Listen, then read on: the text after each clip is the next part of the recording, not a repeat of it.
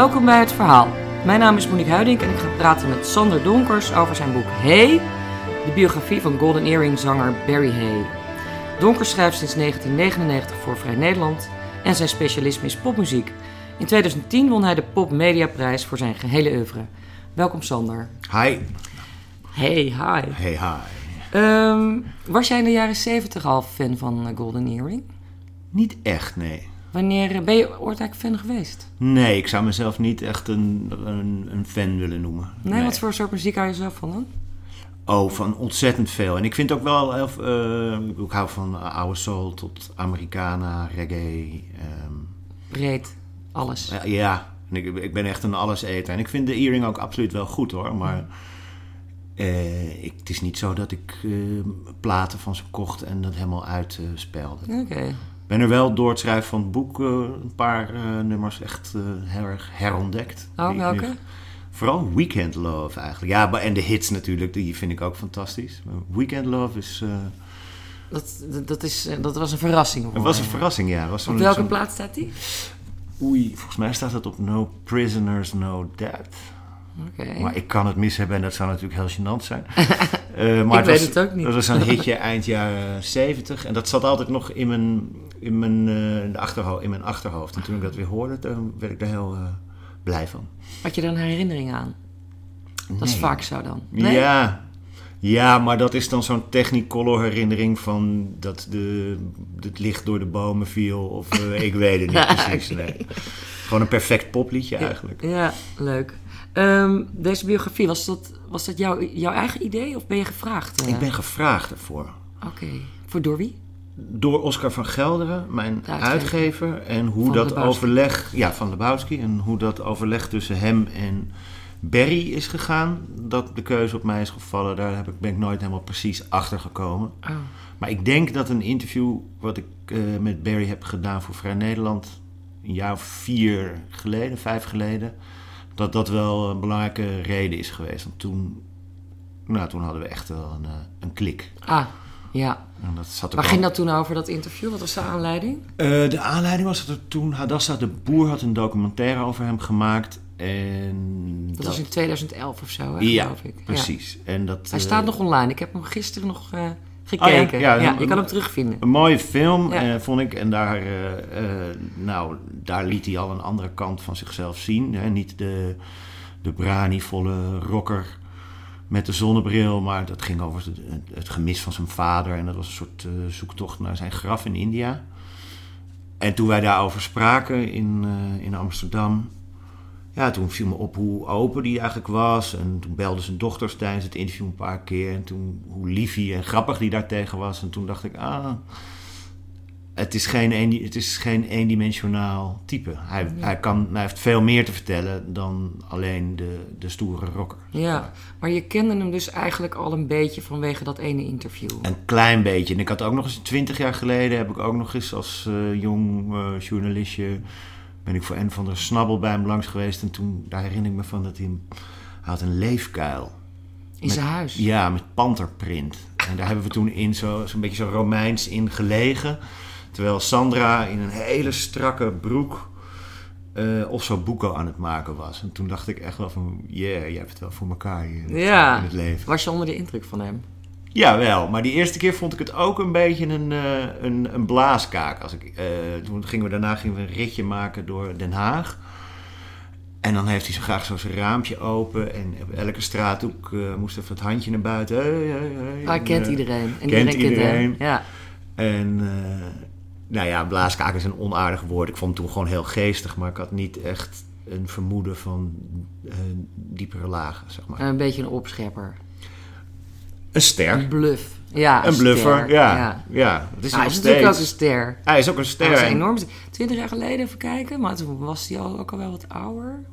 Ja, ik denk dat dat toen 50 net, net na die eh, eh, Naked Truth, dat ze weer ehm, eh, Ja.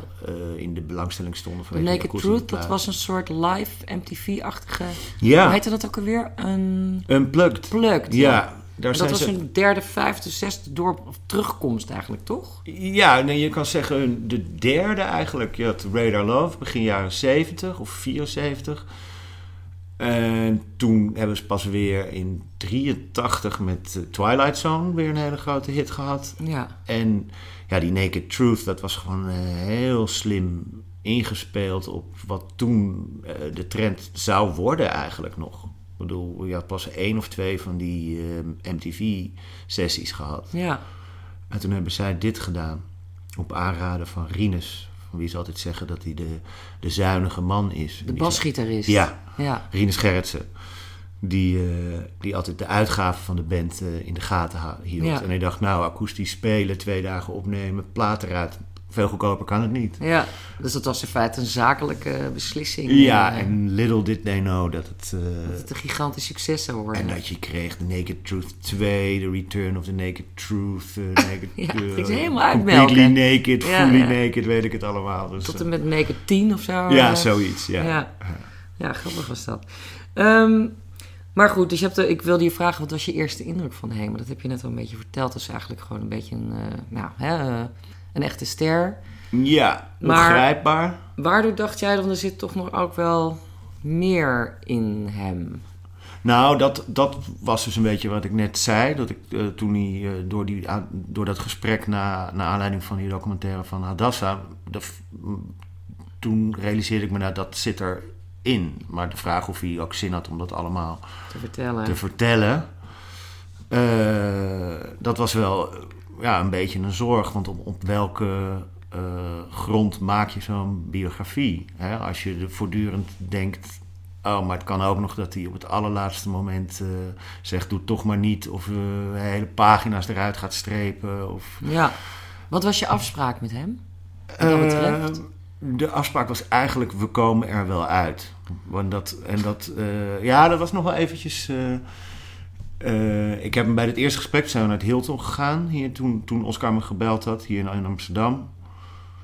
En toen heb ik wel gezegd van joh, als we dit gaan doen, dan gaan we het wel echt doen. The hè? Naked Truth. The naked truth, ja. En dat zei hij ook, ja, nee, tuurlijk, want anders heb je er niks aan. maar hij wou het zelf, toch? hij wou het zelf. Ja, dat scheelt ook.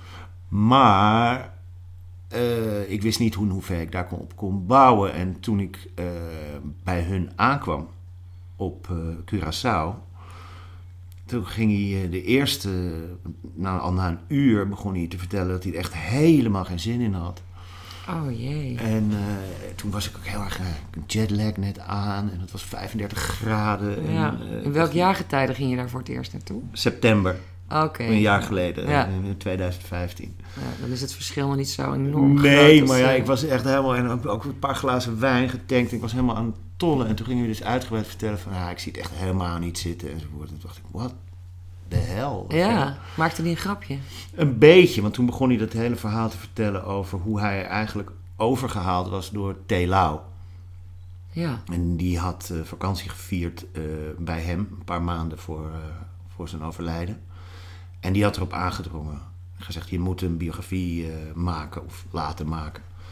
Tela was toen al eigenlijk stervende, hè?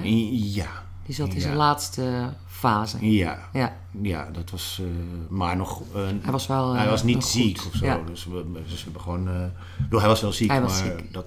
Maar hij was nog heel goed eigenlijk Ja. in die tijd. Ja. En, en hij moest... eh, Maar die dacht natuurlijk over zijn sterfelijkheid wel degelijk na. Die dacht daar heel erg over na, ja, precies. dat was nogal een issue voor hem, eh, uiteraard. Ja, vanzelfsprekend. En dus die gesprekken van hun tweeën vertelde Barry uitgebreid over. De hele nacht door, want Thee wilde niet slapen. Wat ik ook heel goed begrijp. Ja. Dus de hele nacht eh, drinken en, eh, en lullen.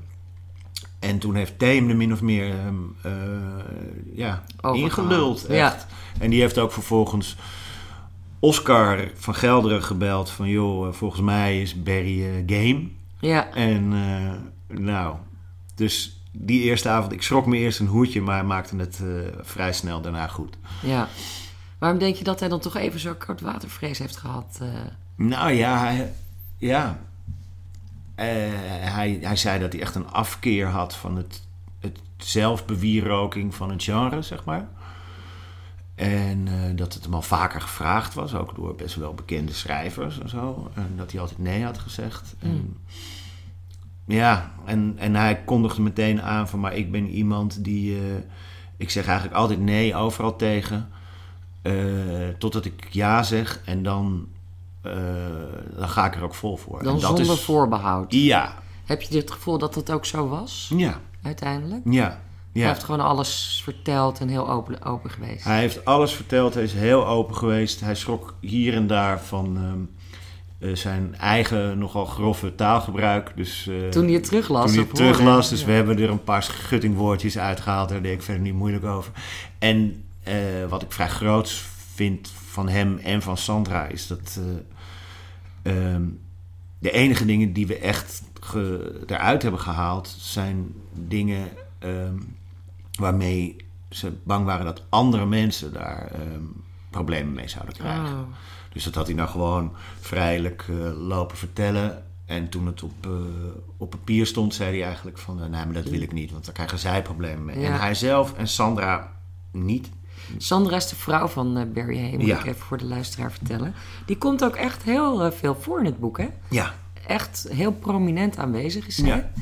Ehm, je hebt ook een heel hoofdstuk nog eh, sowieso aan haar leven gewijd. Mhm. Ook die dochtertjes, eh, nou ja, dochtertjes, dat ene meisje, vrouw- is al gewoon een volwassen vrouw, die is al 4, 25 of. Bella is vijf- 26 geloof ik. En dat andere meisje is dan 17 waarschijnlijk Ja. nu. Die komen er ook eh, nog redelijk in voor. Maar Sandra vooral, Ja. zijn, zijn, zijn vrouw, hij is met haar getrouwd. Ja. De moeder van zijn kinderen.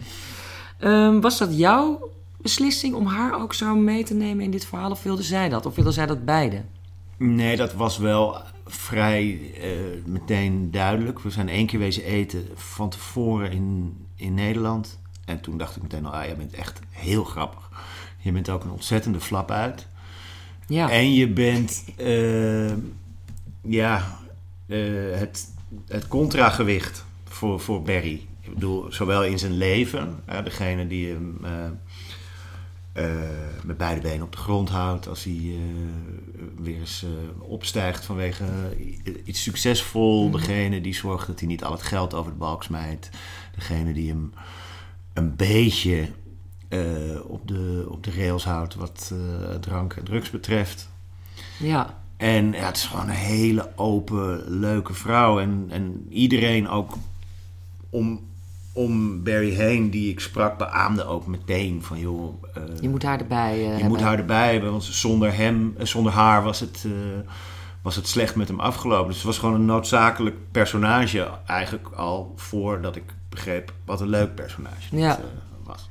Oké, dus dat, dat was eigenlijk gewoon volkomen natuurlijk. Ja, Dat zij erbij... Bij... Ja, zo komt het ook over hoor, in het boek trouwens. Ja, dat was natuurlijk en, en ook afgedwongen door hun. Ik heb nog een soort eh, halve poging gedaan om te zeggen van... joh, ik kom wel naar Curaçao, maar dan ga ik daar in een eh, hotelletje zitten... en dan maken we gewoon interviewafspraken. En toen zei ze van, nee, er komt niks van in. Jij komt gewoon lekker hier. Ja, en hoe Eh. was dat dan? Want je, je bent, kon je nog wel een beetje afstand bewaren ook tot je onderwerp, wat Mm. dat betreft. Want je trok gewoon bij ze in, je werd gewoon een familielid. Ja, nee, er was niet zoveel afstand, nee. nee, Ik heb ook eh, de afwas gedaan en eh, de ijskast bijgevuld en Ja. boodschappen gedaan. En, maar ja, ze hebben een ongelooflijk fijn huis.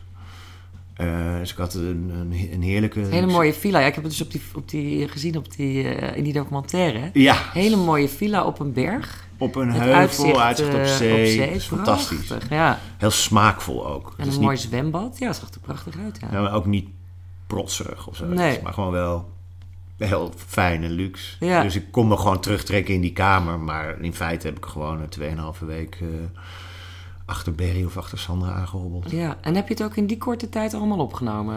Nee, daarna, nee, nee, nee. Eh, daarna hebben we elkaar zeker nog eh 10, 15 keer gezien. Ja. En ben ik mee geweest naar eh earring shows, twee.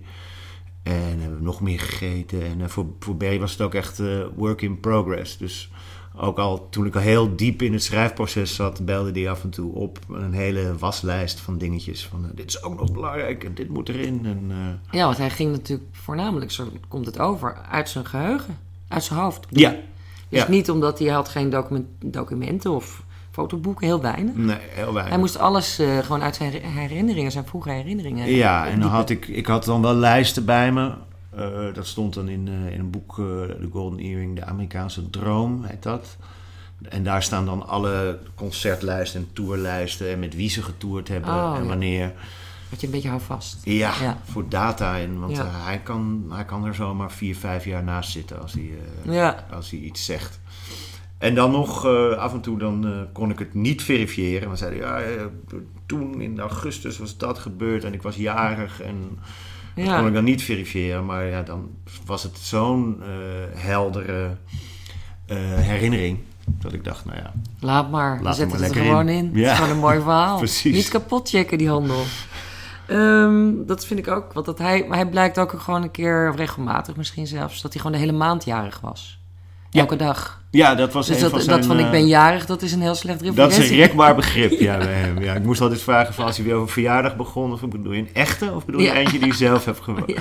Ja. hij heeft, eh, toen hij pas doorkreeg eh, wat het rocksterrendom, eh, wat je daar allemaal mee kon doen, heeft hij inderdaad op een tournee in Amerika, heeft hij een maand lang, elke keer als hij ergens aankwam, geroepen, guess what?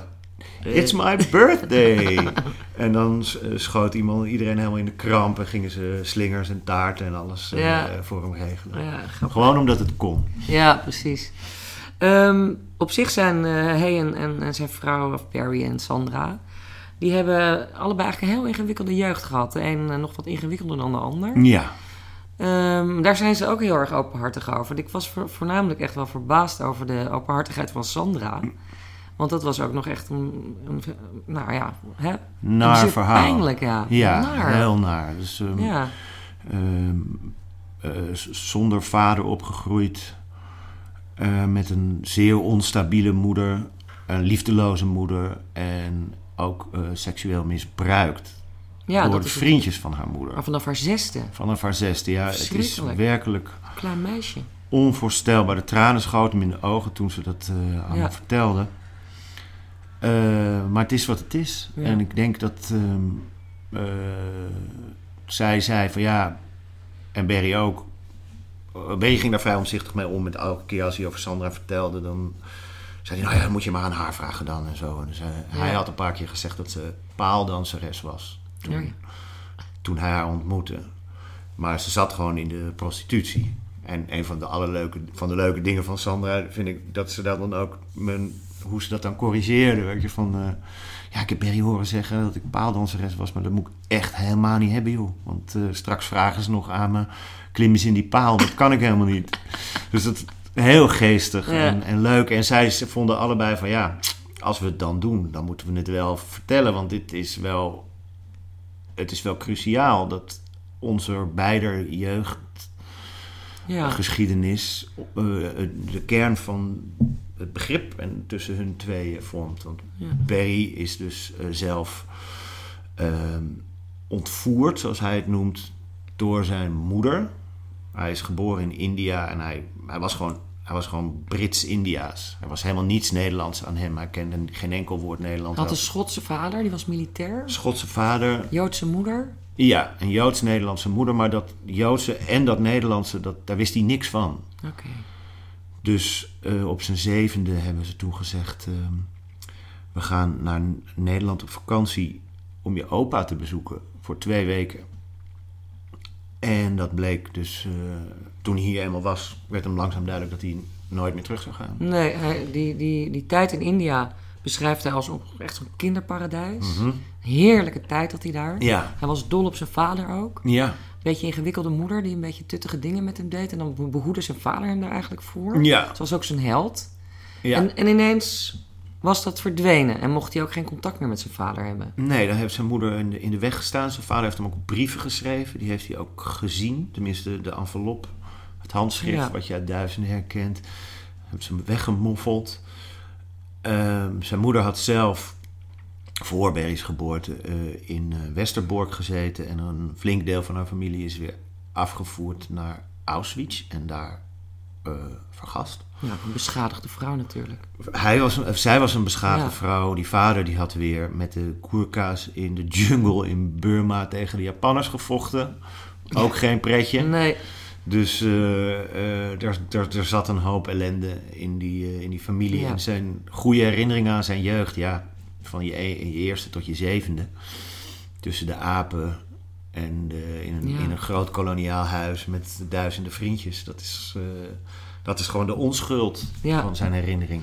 En ik, wat, ik ook, eh, wat ik ook opmerkelijk vind, is hij, eigenlijk heeft hij in die tijd in India in vrij grote wilde groeide Zeker. hij op. Want dat was allemaal met enorme huizen en grote Zeker. hotels. En Ja, dat zag er allemaal prima uit. En toen hij uiteindelijk naar Nederland ontvoerd werd, ging hij naar kostscholen. ja, Naar later blijkt heeft zijn opa, de vader van zijn moeder, ja. heeft daarvoor betaald. Allemaal poepchic, Poepchic. Ja, hij is echt hartstikke deftig, ja, een gouden lepel in zijn bek. keurige opvoeding gehad. Ja, Maar wel natuurlijk verstoken van, van zijn vader en, en ook eigenlijk van zijn moeder. Ook want van zijn moeder. Ik bedoel, het kostschool, daar zit je intern natuurlijk. Ja, en nadat hij van kostschool kwam was hij ook pas 12. Toen werkte zijn moeder al in een eh, nachtclub in Den Haag. Ik denk dat je het een stripclub zou noemen. Nu tegenwoordig nog net geen bordeel. Ja, Daar was zij dan eh, bardame. Dus die werkte s'nachts. zag hij ook eigenlijk niet. Zagen ze niet, nee. Nee. nee. Dus het is, die, die, zowel die Sandra als, als, als deze Berry, onze Berry, het is een beetje weeskinderen. Ja, Zo noemde op een gegeven moment zijn dochter dat ook. Bella noemden ze zo, ja. Ja, zijn twee weeskinderen. Ja. Die elkaar eigenlijk gered hebben. ja, Denk je dat het niet zo is? ik denk dat dat zeker zo is. Ja. En ik denk dat eh, Barry Sandra echt gered heeft van, ehm, nou ja, een, een, een eh, kommervol bestaan. Ja. Die heeft ook echt in, in, in grote armoede eh, opgegroeid in de Transvaalbuurt in Den In Haag. Den Haag. En ehm, omgekeerd denk ik, en dat denkt Bella met mij, en dat, wat Bella denkt zegt meer dan dat ik het denk, is, is, is zij totaal zijn redding geweest. Want hij was een ongeleid projectiel, wist echt niet wat hij wilde. Een beetje mateloos komt hij op mij over. Zou totaal geen maat kunnen houden. Mm, Nou, zo komt hij op mij ook over. Maar, eh, en dat, ja, god, de hoeveelheden alcohol die er doorheen zijn gegaan. Jij dronk gewoon mee, hè? Ja, ja, ik dronk Je gewoon moest mee. meedrinken. Nou ja, ik, Maar hij begint 's ochtends al, toch? hij beg- ja, meestal een uurtje tussen 11 en 12. Het eerste biertje, van een lekker koud biertje erin. Nee, kwaliteitsdrankjes. Oh, hè? oh, dat wel, nee, ja. een eh, Bloody Mary, maar dan alleen zoals die ene barvrouw ze maakt. Als die barvrouw er niet was, dan gingen we over op gin tonic en eh, Ja, eh, bepaalde witte wijn. Hij weet heel precies wat hij eh, drinkt. altijd hetzelfde ook? Nou, er is een ruim scala, maar hij nee, maar weet van zit, er alles. zit er zeg maar een dagelijkse routine in, dat, die drankjes? Hij is ook een beetje een wijn. dwangneurot namelijk. Ja, ja, er zit wel een soort van eh, volgorde in. Ja. ja, ja. Want hij wil alles ook op tijd. Hij wil alles. Dus het is heel, dat, is- is heel erg eh, contrasterend in zijn karakter. Ja. Dat mateloze. En dan is hij heel punctueel in zijn afspraken. Je moet ook geen minuut te laat komen. Dat vindt hij verschrikkelijk. Ja. Ik is zagrijnig van. Ja, dat is zeggen nog heel over dat mateloos. Want dat is dus zeg maar een beetje het. het eh, er, ergens in het boek trek ik een parallel met, met Herman Brood. Of dit, dat kwam gewoon voort uit de, uit de gesprekken. En in die zin is hij dus niet mateloos. Eh, hij drinkt heel veel, maar hij weet precies wat hij moet drinken. Eh, de- Hij gebruikt ook nog steeds coke, terwijl Sandra dat niet wil.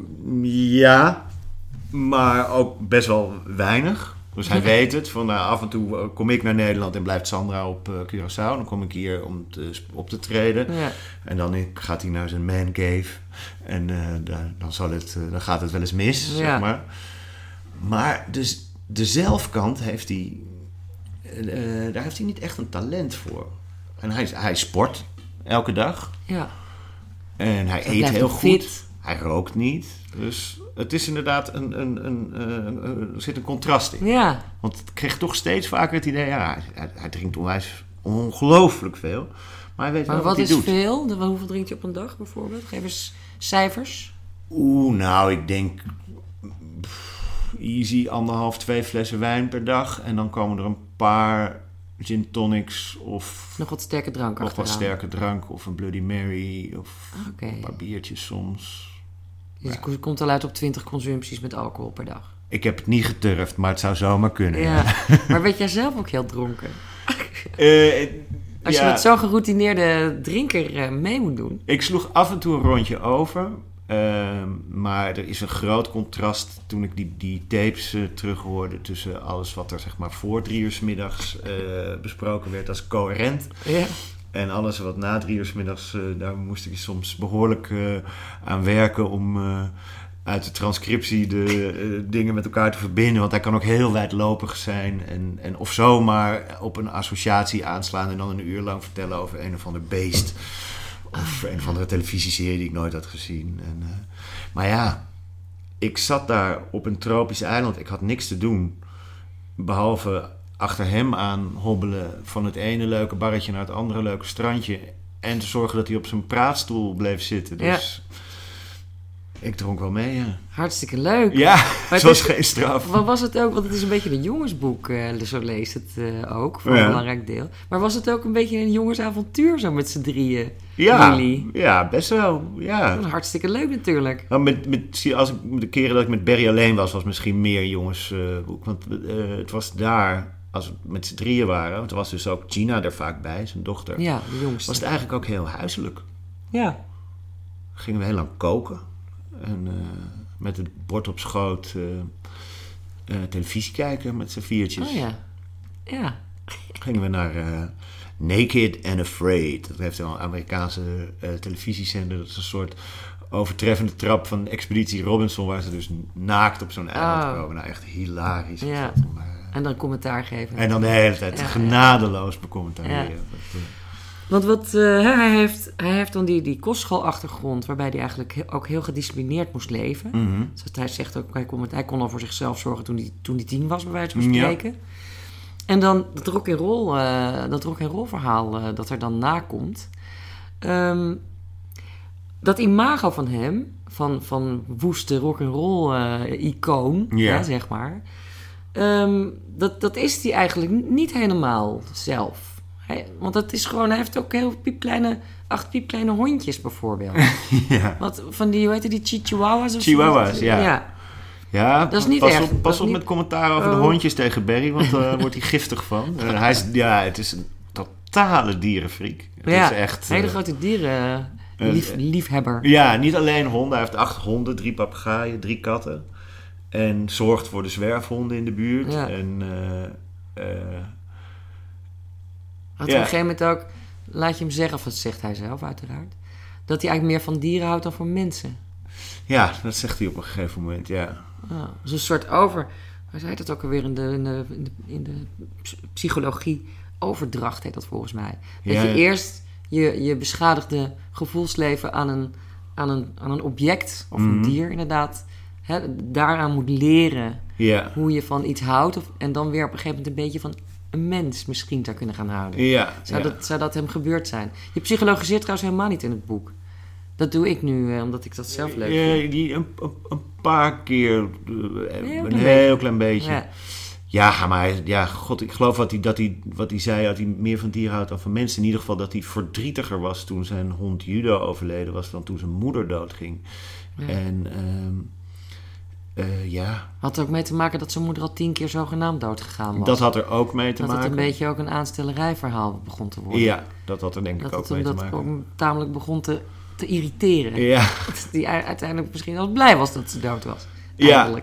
En nog ook weer niet, want er komt Ja. af en toe dan ook wel weer een liefdevolle eh, anekdote over zijn moeder. Zijn moeder was ook behoorlijk rock and roll met haar, eh, Ja. met haar nachtleven. En die is later nog een tent begonnen in Venlo. Of tenminste echt bij de grens. En die, dat was dan volgens Barry wel een bordeel. En volgens Barry heeft ze toen heeft ze dat zelf, tenminste hij vermoedt dat ze dat zelf in de fik heeft gestoken om de... Verzekeringspremie. Ja. ja. Ja, ja, slim. Eh eventjes terug naar die periode dat, dat, dat hij rock'n'roll wordt. Eerst is het gewoon een keurige jongen van de kostschool. Ja. En hij doet ook een keurige op. In dat Den Haag dan, daar heb je die Indo-rock. Mhm. En dat is volgens mij altijd in de, in de popgeschiedenis een beetje ondergesneeuwd. Dat dat een enorm belangrijke stroming was destijds. Er zaten natuurlijk heel veel mensen uit, eh, uit Indonesië. Ja. Indië zaten in eh, Den Haag. Ja.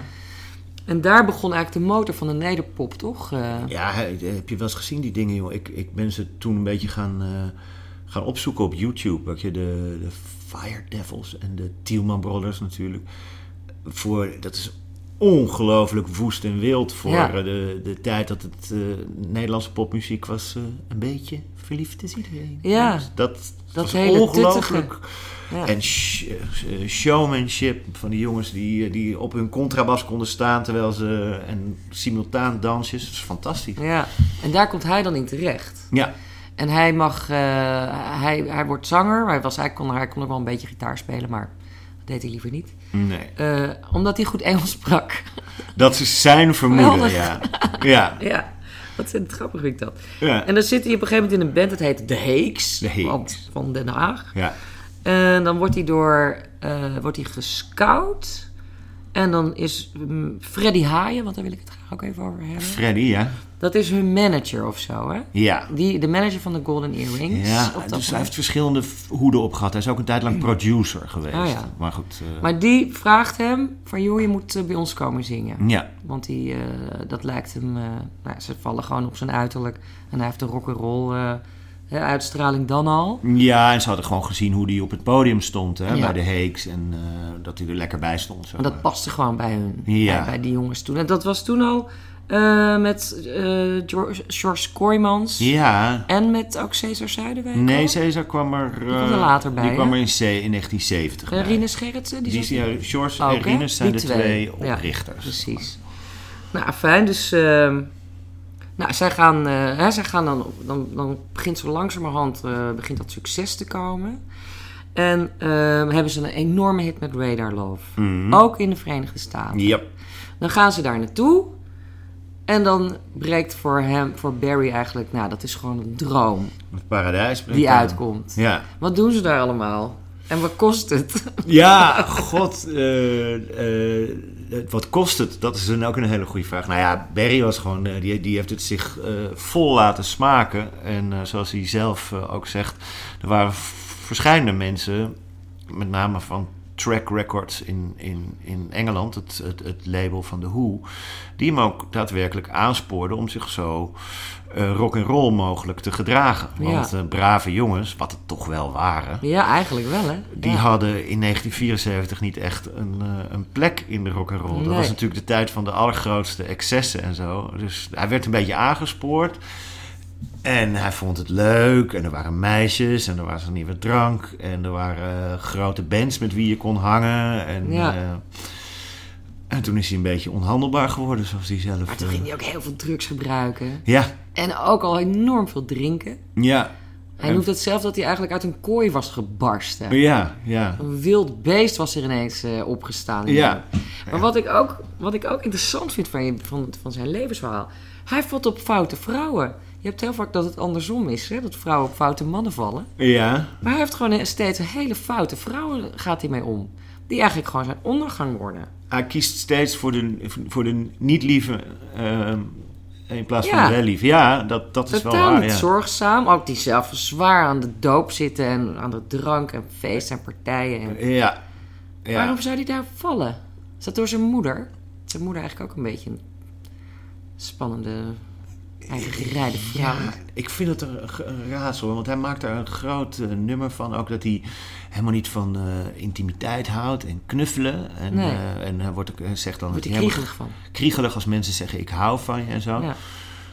Maar intussen, als ik hem tegenkom nu, als we elkaar nu zien, dan knuffelen we wel degelijk. Oh ja? Ja, en ik zie hem ook... ehm, eh, Met zijn vrouw en zijn kinderen? Ja, goed, ik bedoel, ze zitten lopen niet handje-handje de hele dag Nee. verkleinwoordjes en zo. Maar ik vind het zeker geen eh, niet warme man, absoluut Nee. niet. Zo. Zo komt hij ook helemaal niet over. Nee. Dus ik denk dat dat voortschrijdend inzicht is. Eh, ik denk dat uiterlijk er erg veel mee te maken heeft. Want die, die vrouw met wie die lang is geweest, Diane, en Ja. voor wie die eigenlijk vooral slechte dingen Ja, te vertellen heel heeft negatief over eigenlijk. vrij negatief. Eh, die was wel heel erg mooi. En eh, ik denk dat hij daar erg gevoelig voor was. Ja, hij valt op een bepaald type. De Tinkerbelletjes. Ja. ja. Hoe ziet hij eruit eigenlijk? Eh, nou, uit Peter Pan. Ja, dat is dat elfje. Het elfje. Ja, dus zoals hij zegt, blond, lange benen, kort rokje, grote tieten En die vleugeltjes, die hoeven niet per se. Ja. Zeg maar. Ja, het is heel stereotyp zo, eigenlijk. dus hij heeft, ja precies. Dus hij heeft gewoon, eh, hij heeft, hij heeft steeds dat type. Als het een Tinkerbell is, dan, oeh, dan wordt hij al week van binnen en dan denkt hij, oh jee, Ja. hier kan ik me eigenlijk niet tegen verzetten. Nee, precies. En deze Diana, die, die was dus ook zo'n zo'n typeje tin, Tinkerbell. Ja, Maar die heeft hem, eh, nou ja, bepaald niet, eh, niet geholpen. Die kwam hem ook bijvoorbeeld helemaal niet ophalen als hij dan heeft een poosje in de gevangenis gezeten. En dan liet, liet ze gewoon, dan liet ze gewoon verstek gaan. ja, Dan kwam ze hem helemaal niet halen. nee. Helemaal heel bruut eigenlijk. En dan Dat blijft hij dan heel lang bij haar. Ja, dat is De waar. stoere rock-icoon die iedereen kan krijgen. Ja, maar je moet niet vergeten, eh, en dat zegt eh, zijn jeugdvriend Koos ook in het boek, dat in die tijd was hij dus eh, drie maanden, vier maanden, vijf maanden per jaar op tournee. Ja, En die Diaan die wist vast ook wel dat er dan natuurlijk alles gebeurde wat God verboden had. ja. Dus eh, ik denk dat het waarschijnlijk eerlijker is om te zeggen dat ze hem ook eh, met gelijke munt terugbetaalden, Ah. zeg maar. Maar Daar zit eh, natuurlijk wel wat in. ja, Ja, ja. daar zit wel Maar wat dat in, is ook niet echt leuk. Allemaal. Nee, nee, het klonk klonk niet als een hele leuke Gelukkig. relatie. Nee. Nee, Nee. precies. Ehm, dan blijkt dat die tournees, die zijn natuurlijk ontzettend gaaf door, de, door Amerika, Verenigde Staten. Ja, Die, blijven, die blijken bij terugkomst ineens alleen maar geld gekost te hebben. Ze hebben niks verdiend daar. nee, de eerste, eh, maar ik, ik heb niet precies bijgehouden hoeveel, hoeveel tours, maar, de, zeg maar de, de, de eerste acht of zoiets, daar kwam, kwamen er dus, eh, eh, ja, jaren later komen daar dan eh, allemaal eh, bonnetjes voor binnen. En eh, het mooiste verhaal is die van de limousines. Dat ze dus, eh, nou, er stond gewoon altijd een limo klaar Ja. voor ze. Of twee. Maar zij dachten dat, dat die Freddy Haaien dat allemaal had geregeld, toch? Ja, En Willem van Koten, want die heeft er ook nog een rol in. Ja, die, in- en Willem van Koten die zegt van ja, ik heb ze, dat, dat las ik eh, vorige week in een interview met hem, van ik heb ze er altijd voor gewaarschuwd. En zij zeggen, ja luister, wij wisten van helemaal van niks. Die dingen die stonden er gewoon. Ja. Eh, we wisten van niks, eh, de telefoonkosten, alles. Zij dachten dat ze dat allemaal kregen. Ja, dat hun vriendinnen werden dan ingevlogen naar New York. Die kregen gouden oorbellen van de platenmaatschappij. Eh, ja, het mooiste vind ik altijd dat, eh, dat waar dat vertelde Rinus Gerritsen. Dat ze op een gegeven moment in het voorprogramma van Santana stonden. Wat toen echt een hele grote band Ja. was. Wat je na Woodstock en alles. En die zouden die avond spelen. En zij rijden nog eens in, in hun limo een beetje met die champagne lekker door de stad. En staan voor een rood stoplicht en zien naast hun een eh, stationcar. Gewoon een stationcar stil. eh, Met daarin Carlos Santana achter het stuur. Zijn hele band. En achterin allemaal gitaren en drums. En toen dachten ze van, maar wij zijn het voorprogramma. En toen dacht Rinus in ieder geval, Oh, hier klopt iets niet. Nee. Maar Barry niet, want Barry heeft. eh, eh, Die vond het allemaal gewoon veel te mooi. ja, die wil zich niet bezighouden met. eh, Nee, zoiets, soort suf bonnetjes geld. en Ja. blauwe enveloppen en alles. Ja, dat ja, is allemaal. Ja, precies. Maar even terug naar, naar Willem van Koten en, en, en Freddy Haaien. ja. Die hebben er wel heel veel geld aan verdiend aan, aan deze band. ja. Hoe kan dat? Hoe zit dat? Oh, dat is echt heel ingewikkeld. En daar gaan ook al vijf jaar lang allerlei Ze rechtszaken zijn ook rechtszaken over. inderdaad, eh, hebben ze aangespannen tegen Van Koten in ieder geval. Ja. Want wat was hij dan? Wat was zijn rol dan? Van Koten was ehm, muziekuitgever. Dus dat is de, in muziekkringen noemen ze het ook wel de lachende een derde. Oh ja. Daar gaat, eh, eh, daar gaat eh, eh, Sowieso ja. een derde van de, van de opbrengst gaat naar Willem van Koten. Ja, maar dat is, is ingewikkeld hoor. Want het geldt dus niet voor Buma en Stemra dingen. Nou ja. Die, die gaan maar gewoon Dat van is een rechte kwestie een rechte kwestie. Ja, Ja, ja. En ehm, in feite mag je als auteur, heb je het recht, geloof ik. Geloof ik hè. Dat is ingewikkeld dit. Maar heb je het recht om daarin mee te delen. Mhm. En dat heeft Van Koten nooit aan hun verteld. Ah. En daar is George Kooijmans toen achtergekomen. Die heeft toen zijn deel kunnen schikken. Maar ja, het, het, het komt erop neer dat als ze nu Radar Love verkopen aan een autoreclame, wat nogal eens gebeurt, Ja. dat een heel groot percentage van het geld nog steeds naar Willem van Kooten gaat. Ja. En dat eh, zit uh, George uh, Kooijmans helemaal niet lekker. Nee. En Barry ook niet zo. Maar ja, Barry is gewoon... Die zegt toch ook altijd wel van... Ja, ik heb er mijn hele leven ook eh, niet in willen verdiepen. En eh, heb altijd gedacht, uh, ladida, ik heb genoeg centjes. Ja, Dus die steekt ook zijn eh, hand in eigen boezem. en die is ook wel heel af en toe, is die er ook wel aardig over. Tenminste, zeker over Freddy Haaien, dat is ja, manager. zeker over Freddy Hayes. die, hè, die heeft ons toch ook wel, Hij was een papa. wel goede dingen voor ze gedaan. Je moet niet vergeten, hij was, ze waren eh, eh, 15 of zoiets toen ze die band begonnen. En toen Benny erbij kwam was hij net 19. Ja, En deze mannen regelden alles voor ze. En de vrouw van Freddy Haaien was een soort moederfiguur. En Ja.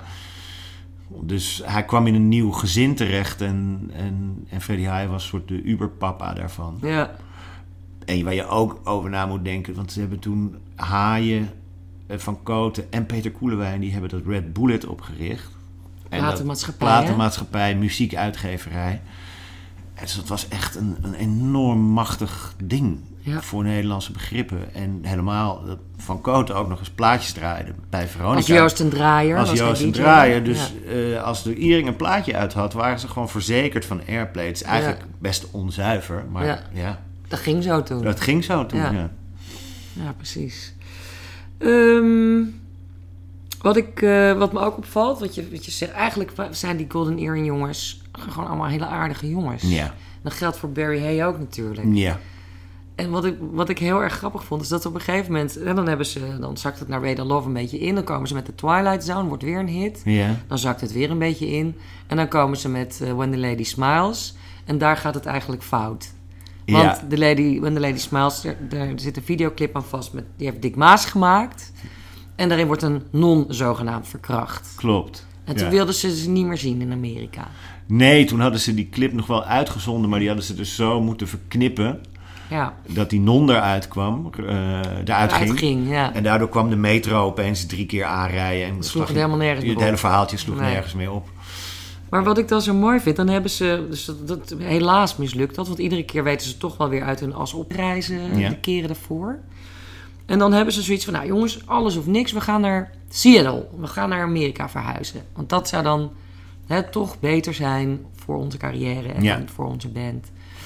En dan doen ze het niet vanwege coat en bie, kroketten en haring. Ja, ja. Willen ze toch in Nederland blijven? ja.